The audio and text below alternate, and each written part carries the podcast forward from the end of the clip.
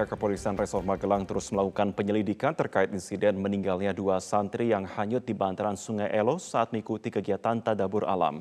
Polisi memeriksa sejumlah saksi untuk mengetahui dugaan kelalaian dalam kegiatan yang diikuti 20 orang santri pada Rabu 5 Januari lalu.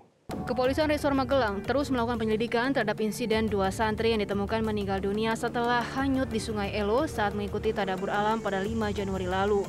Meski pihak keluarga korban menolak otopsi jenazah, pihak kepolisian melakukan penyelidikan dengan memeriksa sejumlah saksi termasuk pihak pondok pesantren. Penyelidikan dilakukan pihak kepolisian untuk mengetahui sekaligus mengungkap dugaan faktor kelalaian dalam kegiatan tadabur alam di bantaran Sungai Elo. Karena kita akan melihat uh, unsur kelalaiannya ada di mana, apakah dari pihak pondok pesantren atau dari yang bersangkutan sendiri yang meninggal dunia. Terus tahapan itu sudah sampai mana, Dan? Nah, untuk saat ini sudah kita ambil keterangan dari pihak pondok pesantren, namun uh, masih perlu kita dalami. Ya. Selain pondok pesantren juga ada dari beberapa saksi yang sudah kita ambil keterangan dari pihak keluarga menerima sehingga tidak di, tidak dilakukannya otopsi juga tidak sehingga untuk korban langsung diantar ke kediamannya di rumah duka yakni di daerah Jawa Barat ya dan langsung dikebumikan. Sebelumnya, jasad dua santri ditemukan di dua lokasi berbeda di bantaran Sungai Elo pada Kamis lalu. Jasad pertama santri ditemukan sekitar 200 meter dari lokasi kejadian di hari pertama, sementara jasad satu santri lainnya ditemukan sekitar 700 meter dari lokasi kejadian. Keduanya dievakuasi dari dasar sungai oleh tim penyelam Basarnas Unit Siaga Borobudur. Di kurang lebih jaraknya 700 meter dari TKP kemarin. Dan untuk korban tadi ketemu di dalam air kemudian bisa dievakuasi kita bawa ke RSUD Muntilan. Terus uh, untuk korban dalam keadaan seperti apa? Untuk korban tadi kita ketemukan dalam kondisi dimungkinkan sudah meninggal ya dan posisinya masih tenggelam di air. Insiden berawal dari kegiatan pembelajaran bahasa Arab dan perkenalan alam di wilayah Sungai Elo yang diikuti 20 santri dan satu guru pendamping. Para santri disebut sudah diingatkan untuk tidak berenang di sungai, namun salah satu santri tiba-tiba tercebur ke sungai. Dua santri yang berusaha menolong justru ikut terbawa arus dan hanyut. Salah satu santri kemudian selamat karena ditolong warga sekitar. Namun dua santri lainnya kemudian hanyut dan ditemukan meninggal dunia. Banjir yang terjadi di 15 kecamatan di Kabupaten Aceh Utara sejak sepekan terakhir saat ini sudah surut. Warga yang sebelumnya mengungsi ke posko pengungsian sudah kembali menempati rumah yang tidak lagi tergenang banjir. Kita simak informasi selengkapnya dari rekan Sela Aditya. Banjir yang terjadi di wilayah Kabupaten Aceh Utara sejak sepekan terakhir saat ini kondisinya sudah surut. Dari 15 kecamatan yang sebelumnya terdampak banjir, saat ini tersisa dua kecamatan yang masih uh, tergenang sisa air banjir, di antaranya di Kecamatan Tanah Luas dan juga Kecamatan Loksukun. Sebagian rumah warga di wilayah ini, area pekarangan rumahnya masih tergenang air. Namun secara keseluruhan untuk uh, kondisi rumah sudah terbebas dari genangan banjir. Dan dari kondisi kondisi banjir yang sudah surut, warga yang sebelumnya mengungsi juga saat ini sudah uh, mulai kembali ke rumah warga dan menempati rumah mereka sejak kemarin uh, meskipun masih ada beberapa warga yang uh, harus bertahan di posko pengungsian. Seperti di tempat saya berdiri saat ini di Menasa Gampung Beringin LB Kecamatan Loksukun Kabupaten Aceh Utara yang juga menjadi salah satu posko pengungsian warga. Uh, saat ini sudah terlihat sepi. Namun tadi malam uh, masih ada 10 kepala keluarga yang bertahan di posko pengungsian ini mengingat uh, masih ada sisa genangan air di rumah mereka. Namun kondisinya uh, sejak pagi tadi warga juga sudah mulai meninggalkan area posko pengungsian. Sebelumnya di uh, posko pengungsian ini ada kurang lebih 190 kepala keluarga uh, yang menempati menasa ini uh, karena rumah mereka tergenang banjir. Namun secara keseluruhan saat ini warga sudah mulai kembali ke rumah dan dapur umum di menasa ini yang sebelumnya didirikan untuk bantuan makanan bagi para warga juga sudah ditutup. Sebelumnya banjir terjadi di wilayah Kabupaten Aceh Utara sejak Sabtu 1 Januari 2022 lalu, di mana sedikitnya 15 kecamatan terendam akibat banjir yang terjadi di wilayah Kabupaten Aceh Utara. Sebanyak 40 ribu lebih warga terdampak banjir dan 8.630 di antaranya dilaporkan mengungsi ke sejumlah eh, tempat-tempat uh, ataupun posko-posko pengungsian yang dibangun oleh pemerintah setempat. Tiga warga dilaporkan meninggal dunia akibat terseret arus banjir selama banjir yang yang terjadi sepekan terakhir di wilayah Kabupaten Aceh Utara. Pasca banjir yang melanda warga Namur Indah tiga desa Pematang Gajah, Kecamatan Jambi Luar, Kota Kabupaten Muara Jambi, Jambi, sejumlah warga meninggalkan rumah. Sementara bantuan dibutuhkan warga terdampak banjir sampai saat ini. Pemkat Muara Jambi belum ada upaya penyaluran. Informasi selengkapnya, kita bergabung dengan kontributor Metro TV Syamsul Bahri. Selamat siang Syamsul, bagaimana kondisi terkini pasca banjir di Muara Jambi?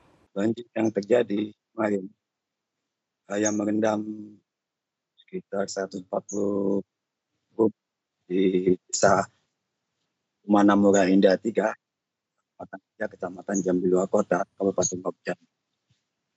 Hari ini banjir sudah di mana warga sudah mempunyai sisa-sisa banjir seperti pakaian dan juga alat-alat rumah tangga.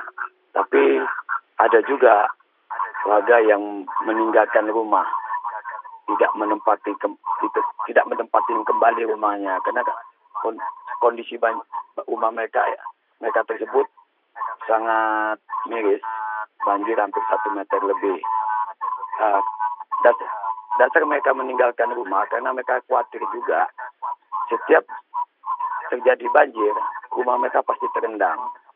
Di mana banjir ini diakibatkan dengan meluapnya sungai Batang Kalibatas yang ada yang berada di tengah-tengah perumahan.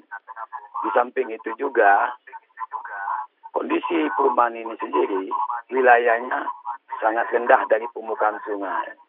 Untuk sementara untuk bantuan masyarakat yang terdampak banjir sendiri belum mendapatkan bantuan berupa apa pun baik itu makanan baik itu obat-obatan dan sebagainya sementara pihak Pemprov Jambi sendiri sampai hari ini baik itu tim yang dikhususkan untuk menangani banjir belum ada uh, terlihat di lokasi pasca banjir ini untuk mendata masyarakat berapa jumlah berapa kerugian. Nah, masyarakat sendiri berharap kepada pemerintah Kabupaten Muaro Jambi agar anak sungai yang ada di rumah ini untuk dilakukan reklamasi atau revitalisasi agar tidak tidak terdampak banjir lagi. Di samping itu juga banjir yang sudah berlangsung hampir berlangsung 8 tahun di wilayah perumahan Namura Indah ini merusak beberapa fasilitas seperti fasilitas jalan, uh, sudah itu beberapa ada jembatan yang mulai turun fondasinya. Selain itu juga ada fasilitas pendidikan juga terendam. Nah, di sini masyarakat berharap sekali kepada pemerintah Kabupaten Muaro Jambi untuk membangun infrastruktur, terutama infrastruktur banjir.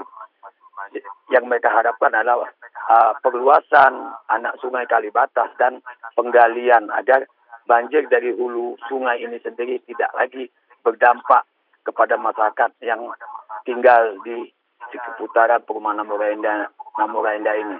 Presiden Republik Indonesia Joko Widodo mengirim bantuan 15.000 paket sembako dan obat-obatan kepada korban bencana banjir di tiga kabupaten di Aceh, salah satunya adalah Kabupaten Aceh Utara. Bantuan tersebut dikerahkan tim Sespri Kepresidenan RI, Kapten Inf Nofri Arita, yang diterima langsung oleh Komandan Korem 011 Lilawangsa Kolonel Inf Bayu Permanda di Lok Sumawe. Dan Rem 011 Lalawangsa Kolonel Inf Bayu Permana mengatakan bantuan tersebut merupakan bentuk perhatian jiwa sosial dan kepedulian Presiden Republik Indonesia Joko Widodo terhadap korban banjir di Aceh. Selanjutnya bantuan paket sembako ini akan disebarkan kepada korban banjir di Aceh Utara sebanyak 13.000 paket dan selebihnya akan salurkan kepada korban banjir di Aceh Timur dan Aceh Tamiang. Bantuan akan didistribusikan oleh anggota TNI dari beberapa satuan dan langsung diberikan kepada penerima korban banjir di posko pengungsian. Harapannya bantuan dapat meringankan beban warga yang terdampak banjir.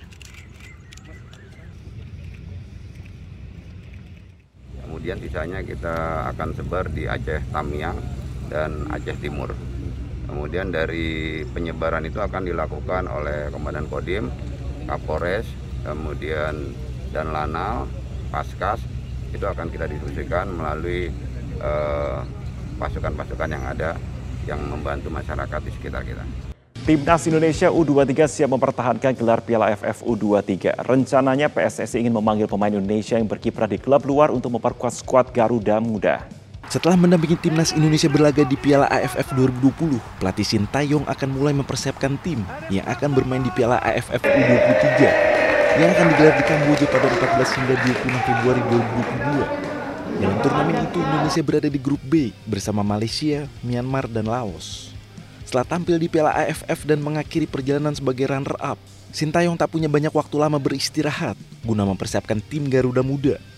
Dari segi batas usia pelatih asal Korea Selatan itu diuntungkan oleh keputusannya untuk memanggil banyak pemain muda ke dalam skuad Piala AFF 2020 sehingga Sintayong tidak akan membangun tim dari nol.